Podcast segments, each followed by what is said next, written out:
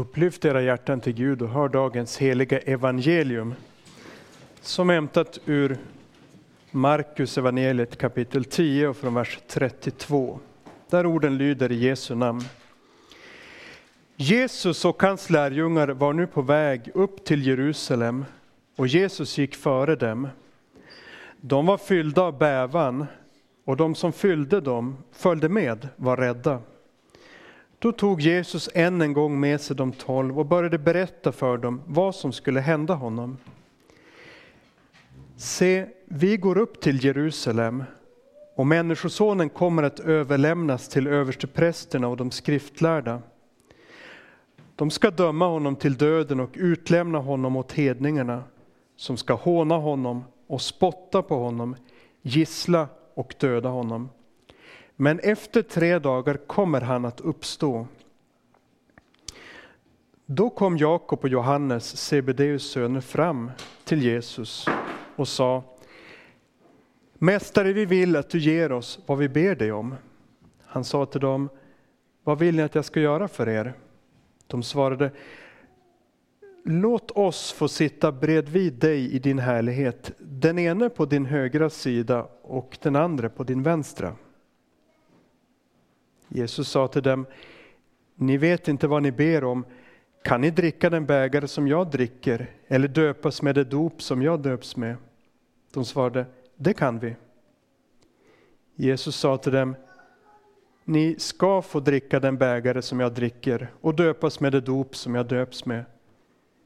Men platserna på min högra och min vänstra sida är det inte min sak att ge bort. De ska ges åt dem som de är beredda för. När de tio andra fick höra det blev de upprörda över Jakob och Johannes.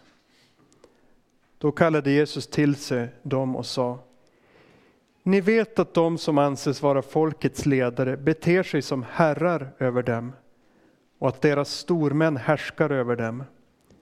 Men så är det inte hos er.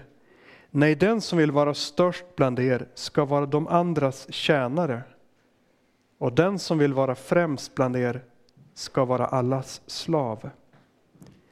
Människosonen har inte kommit för att bli betjänad utan för att tjäna och ge sitt liv till lösen för många. Så lyder det heliga evangeliet. Lovad vare du Kristus. Nåd och frid från Gud vår far och Herren Jesus Kristus. Låt oss be. Himmelske far, du som har skapat hela universum och som har älskat oss människor med en evig kärlek och sänt din son till lösen för oss. Låt din gode ande ge oss frälsningens kunskap genom det vi lyssnar till idag, så att vi blir evigt saliga. I Jesu namn. Amen. Jesus sa Människosonen har inte kommit för att, för att bli betjänad utan för att tjäna och ge sitt liv till lösen för många.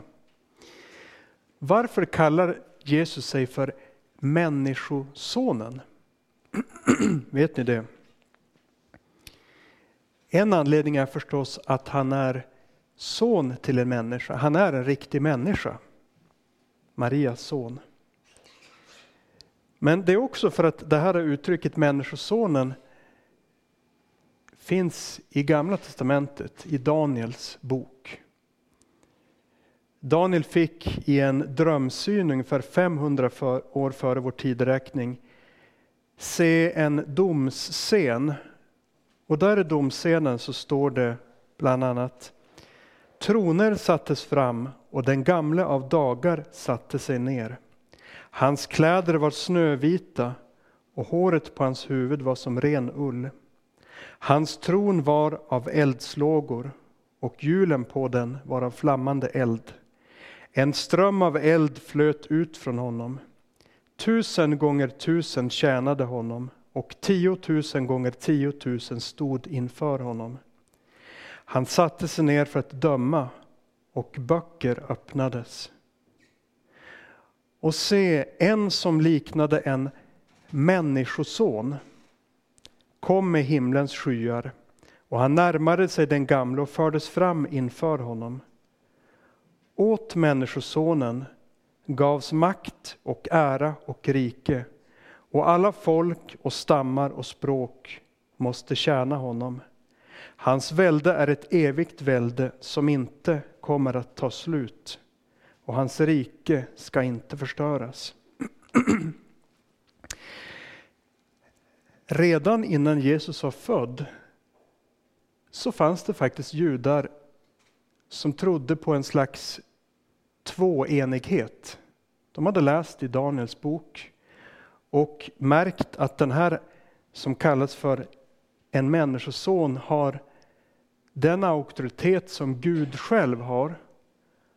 Att vid Guds sida var en annan tron där Människosonen skulle sitta och att åt Människosonen gavs makt över alla folk. Och Det är en viktig anledning till att Jesus kallar sig för Människosonen. Han vill få judarna att förstå att, att Gud är en, men det betyder inte att inte Jesus också är Gud. Han anknyter alltså återkommande just till det här stället. Han kallar sig själv för Människosonen. Men första gången han kom till jorden så var det ändå inte för att få åtnjuta allt det här som det står att alla ska tjäna honom. Utan första gången kom han för att tjäna oss och ge sitt liv till lösensumma. För att friköpa en slav eller en fånge så krävs en lösen. Och vi har genom att vi gjort orätt mot Gud hamnat i slaveri och fångenskap och har skuld till Gud. Men det står att Jesus, har, Jesus älskar oss och har friköpt oss från våra synder med sitt blod. Så är det alltså så att det är Gud som har blivit förorättad. Men det är ändå också Gud som återskapar den moraliska balansen. Det är Gud som har blivit kränkt, blivit vred på grund av våra synder. Men det är ändå Gud själv ändå som faktiskt betalar för det och gör så att allt blir gott igen. Ditt stora verk fullbordat är, Guds nåd och stränghet ser vi här. En helig Gud för människors brott har offer krävt och offer fått. Och därför en nådig Gud, en himmelsk far, till sina barn oss återtar. När Jesus säger att han har kommit för att ge sitt liv till lösen för många, betyder det då att det inte är för riktigt alla? Skulle det kunna vara så att någon av oss de facto inte tillhörde dessa många. Nej, för som vi läste i episteltexten idag så står det uttryckligen, och där används samma uttryck att, att ge sitt liv till lösen. Det står en är medlare mellan Gud och människa, en människa, Kristus Jesus, som gav sig själv till lösen i allas ställe. Så är du en människa så kan du vara säker på att du var med i det stora köpet. Och därför bjuds vi alla att vända oss till Herren. Som Petrus säger, låt er frälsas från detta bortvända släkte. En sångfattare skriver, allt är nu redo, se Gud har utgivit till vår förlossning, inte silver och guld, Enfödde sonen själv lösen har blivit, då han som broder betalde vår skuld. Allt är nu redo, till bröllop han bjuder halta och krymplingar, stora och små. Onda och goda, till alla de ljuder, kom nu till bröllop, allt ska ni få. Allt är nu redo, må detta betänkas, bjudningen är inte skämt eller hån, Grunden att allt kan på stunden oss skänkas är lösepenningen, själve Guds son.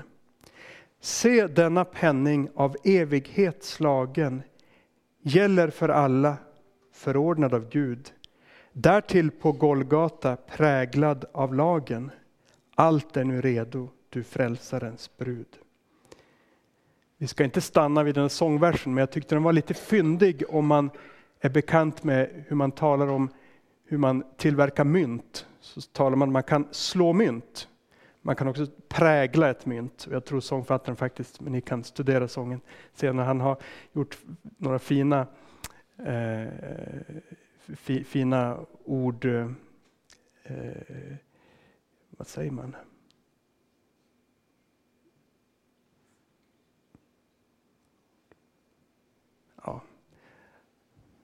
Vi glömmer det. Hur som helst, med ordet många så ska ingen uppfatta det som att det skulle utesluta någon, utan det är ett hebreiskt eh, uttryckssätt som kan användas om alla.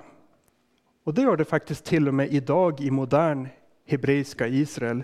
Så kan man använda ordet många i betydelsen alla.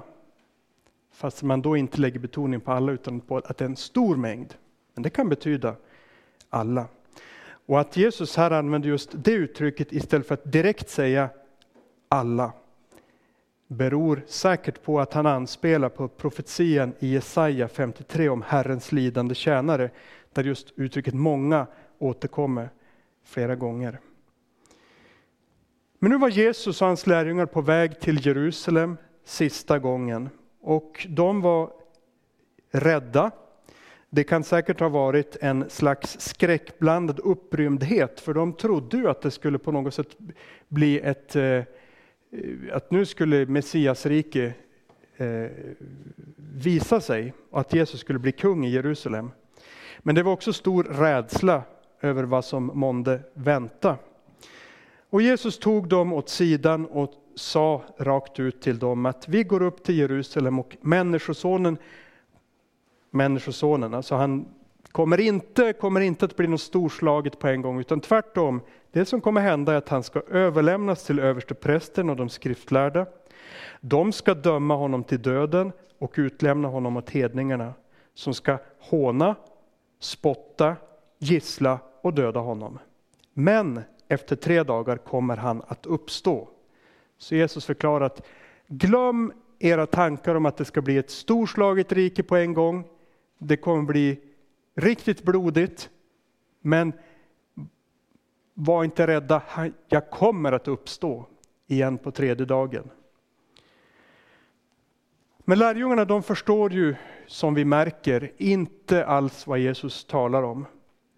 Utan de tänker sig att det här ska bli någon slags uppgörelse, någon slags, eh, kanske med vapen och så vidare, men att Messias kommer att sitta nu på tronen alldeles strax och eh, ta över Israel. Och då, efter att Jesus har sagt det här, så tassar Jakob och Johannes fram till Jesus och har en liten önskan. De säger inte direkt vad det är, de säger först att kan du lova att ge vad vi nu ber dig om? Ni vet som barn, de säger inte direkt att kan jag få en glass, utan de säger skulle jag kunna få en viss sak? Och så ska mamma och pappa svara ja innan de sen säger vad det är för någonting. För de vet att det där är egentligen inte riktigt helt rimligt att be om. Så nu säger de först, vi vill att du ger oss vad vi ber dig om. Vad vill ni att jag ska göra för er? frågar Jesus. Jo, och så kommer de med sin lilla försiktiga önskan. Skulle vi kunna göra så att Jakob sitter på närmast dig på ena sidan om tronen och Johannes på andra sidan? Det är ju ingen liten önskan. Att det är ju väldigt, alltså tänk att, att verkligen kliva fram och be att få sitta främst. Jesus sa då till dem att ni vet inte vad ni ber om. Kan ni dricka den bägare som jag dricker eller döpas med det dop jag döps med? Alltså klarar ni av att lida med mig? Och de svarar ja, det kan vi. Och då säger Jesus profetiskt att det kommer ni också få göra. För att som ni vet så Jakob han blev ju halshuggen av Herodes och Johannes enligt vissa källor så levde han hela sitt liv, om än eh, landsförvisad och en del andra otrevligheter. Enligt någon källa så blev även Johannes faktiskt eh, avrättad. Men vi vet inte exakt. Men vad Jesus säger i alla fall att ni kommer att få lida. Det är helt klart. Men säger han att platserna på högra och vänstra sidan, det är inte min sak att ge bort. De ska ges åt dem som de är beredda för. Och de här tio andra lärjungarna, de får höra det här så blir de ju jätteupprörda. Varför det?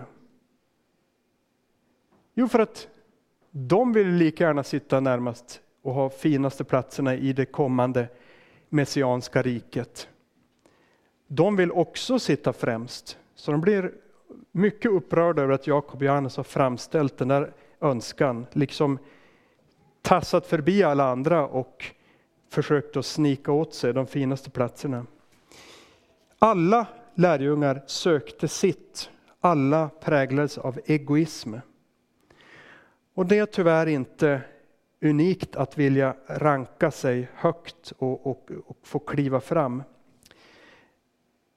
Paulus skriver till Filipperna Sök inte tom ära, var istället ödmjuka och sätt andra högre än er själva. Se inte till ert eget bästa utan också till andras. De som varit med i församlingar ett tag och lärt känna folk som går i församlingen, de märker att det finns mycket som, är, som inte skulle, är som det skulle vara. Mycket egoism. Ehm, att man liksom kämpar för sin egen sak framför att, att, att, att höra efter hur det, hur det skulle vara bäst för andra. Och, den som, och då finns det en del som kommer till kristna församlingar och upplever att det är ju ingen idé att vara här. De andra är ju syndare. Men det är ju faktiskt därför vi samlas här. Vi är tyvärr inte som vi skulle.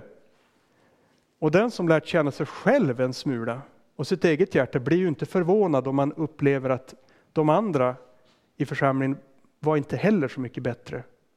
Utan det blir besvikelser, för vi är en samling syndare som kommer tillsammans. Och dessutom bland de kristna kan den andliga mognaden vara skiftande. När Paulus jämförde sin med, medarbetare Timoteus med de andra kristna ledarna där i Rom, så skriver han så här.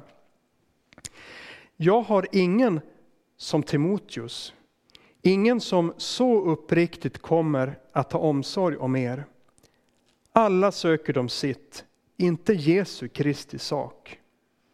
Det är ju ganska häpnadsväckande att aposteln kan skriva det om andra kristna i hans närhet, andra kristna ledare, att alla söker om sitt eget, inte Jesu Kristi sak. Paulus hade bland annat velat att sända någon till, en, till Filippi för, för att eh, kommunicera med dem. Och kanske är det han här märker, att han har pratat med flera andra kristna ledare, men nu antar jag bara, men han har liksom fått, kanske då fått nej och så vidare. Han märker det. Men Timoteus, och han, han ställer upp trots att det kostar honom mycket. Och det där är väl ord till eftertanke för oss allihopa.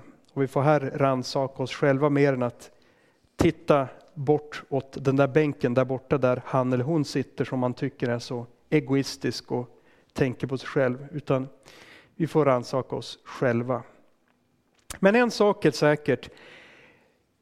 Jesus sökte inte sitt.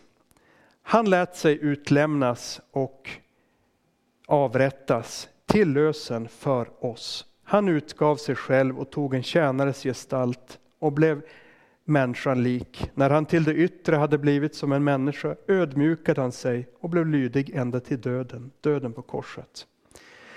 Och Jesus hade faktiskt tålamod med de här lärjungarna. Det var inte så att han sa att ja, den här samlingen människor är ingen idé att vara med. En bunt egoistiska hycklare, vad ska jag här göra? Det är bättre att sätta mig framför tv-soffan. Utan Jesus han älskar dessa andliga krymplingar ända in i döden. Han älskar Jakob och Johannes fast de är så uppenbart egoistiska. Och så kallar han på dem och förmanar dem. Ni vet att de som anses vara hedna folkens ledare beter sig som herrar över dem och att deras stormän härskar över dem. Men så är det inte bland er. Den som vill vara störst bland er ska vara de andras tjänare och den som vill vara främst bland er ska vara allas slav. Det här ordet tjänare, diakonos, betyder, eh, eller har etymologiskt att göra med orden genom dammet. Alltså en tjänare är en som vandrar genom damm. En som blir dammig för att betjäna de andra. En som blir smutsig om fötterna, som springer ärenden åt husfolket. Och så säger alltså Jesus att den som längtar efter att bli störst, den främste, ska vara de andras tjänare, de andras slav. Den som springer små smutsiga ärenden åt de andra. Den som blir svettig och gör det skräpigaste så att säga jobbet. Och det går ju emot all vår kötslig strävan efter att vilja vara stora, anses som de främsta, styra över andra och söka vårt eget. Men det är Jesu ord till oss. Och här har vi också anledning till bön om förlåtelse. Huvudbudskapet i dagens text är hur som helst Jesu tjänst för oss. Människosonen har inte kommit för att bli betjänad utan för att tjäna och ge sitt liv till lösen för många. En tjänare var han på jorden, en syndares vän är han vorden. En tröstare är han i nöden, en hjälpare mäktig i döden. Så har jag i Kristus försoning, förlåtelse, frid och förskoning. En salighet utan all like och arvslott till himlarnas rike. Lov ära ske lammet det rena som kom för att syndare tjäna. Ja, pris ske dig Jesus på jorden, att syndares vän du är vorden. Ska vi strax sluta, men vi ska läsa något till. 700 år innan Jesus kom så, så profeterade Jesaja om Herrens lidande tjänare. Att han skulle ge sitt liv i lösen för, för eh, människorna. Och här används just ordet de många i slutet av Jesaja 53. Och vi läser det. Han blev misshandlad men han ödmjukade sig och öppnade inte sin mun. Lik ett lamm som förs bort till att slaktas, lik ett får som är tyst inför dem som klipper det. Så öppnade han inte sin mun. Genom våld och dom blev han borttagen. Vem i hans släkte besinnar att, att när han rycktes bort från de levandes land så blev han plågad på grund av mitt folks överträdelse. Bland de ogudaktiga fick han sin grav, men hos en rik var han i sin död, för han hade ingen orätt gjort och svek fanns inte i hans mun. Det var Herrens vilja att slå honom och låta honom lida. När du gör hans liv till skuldoffer får han se avkomlingar och leva länge. Och Herrens vilja ska ha framgång genom honom. Genom den vedermöda hans själ har utstått får han se och bli tillfreds. Genom sin kunskap förklarar min rättfärdige tjänare de många rättfärdiga och deras skulder är det han som bär.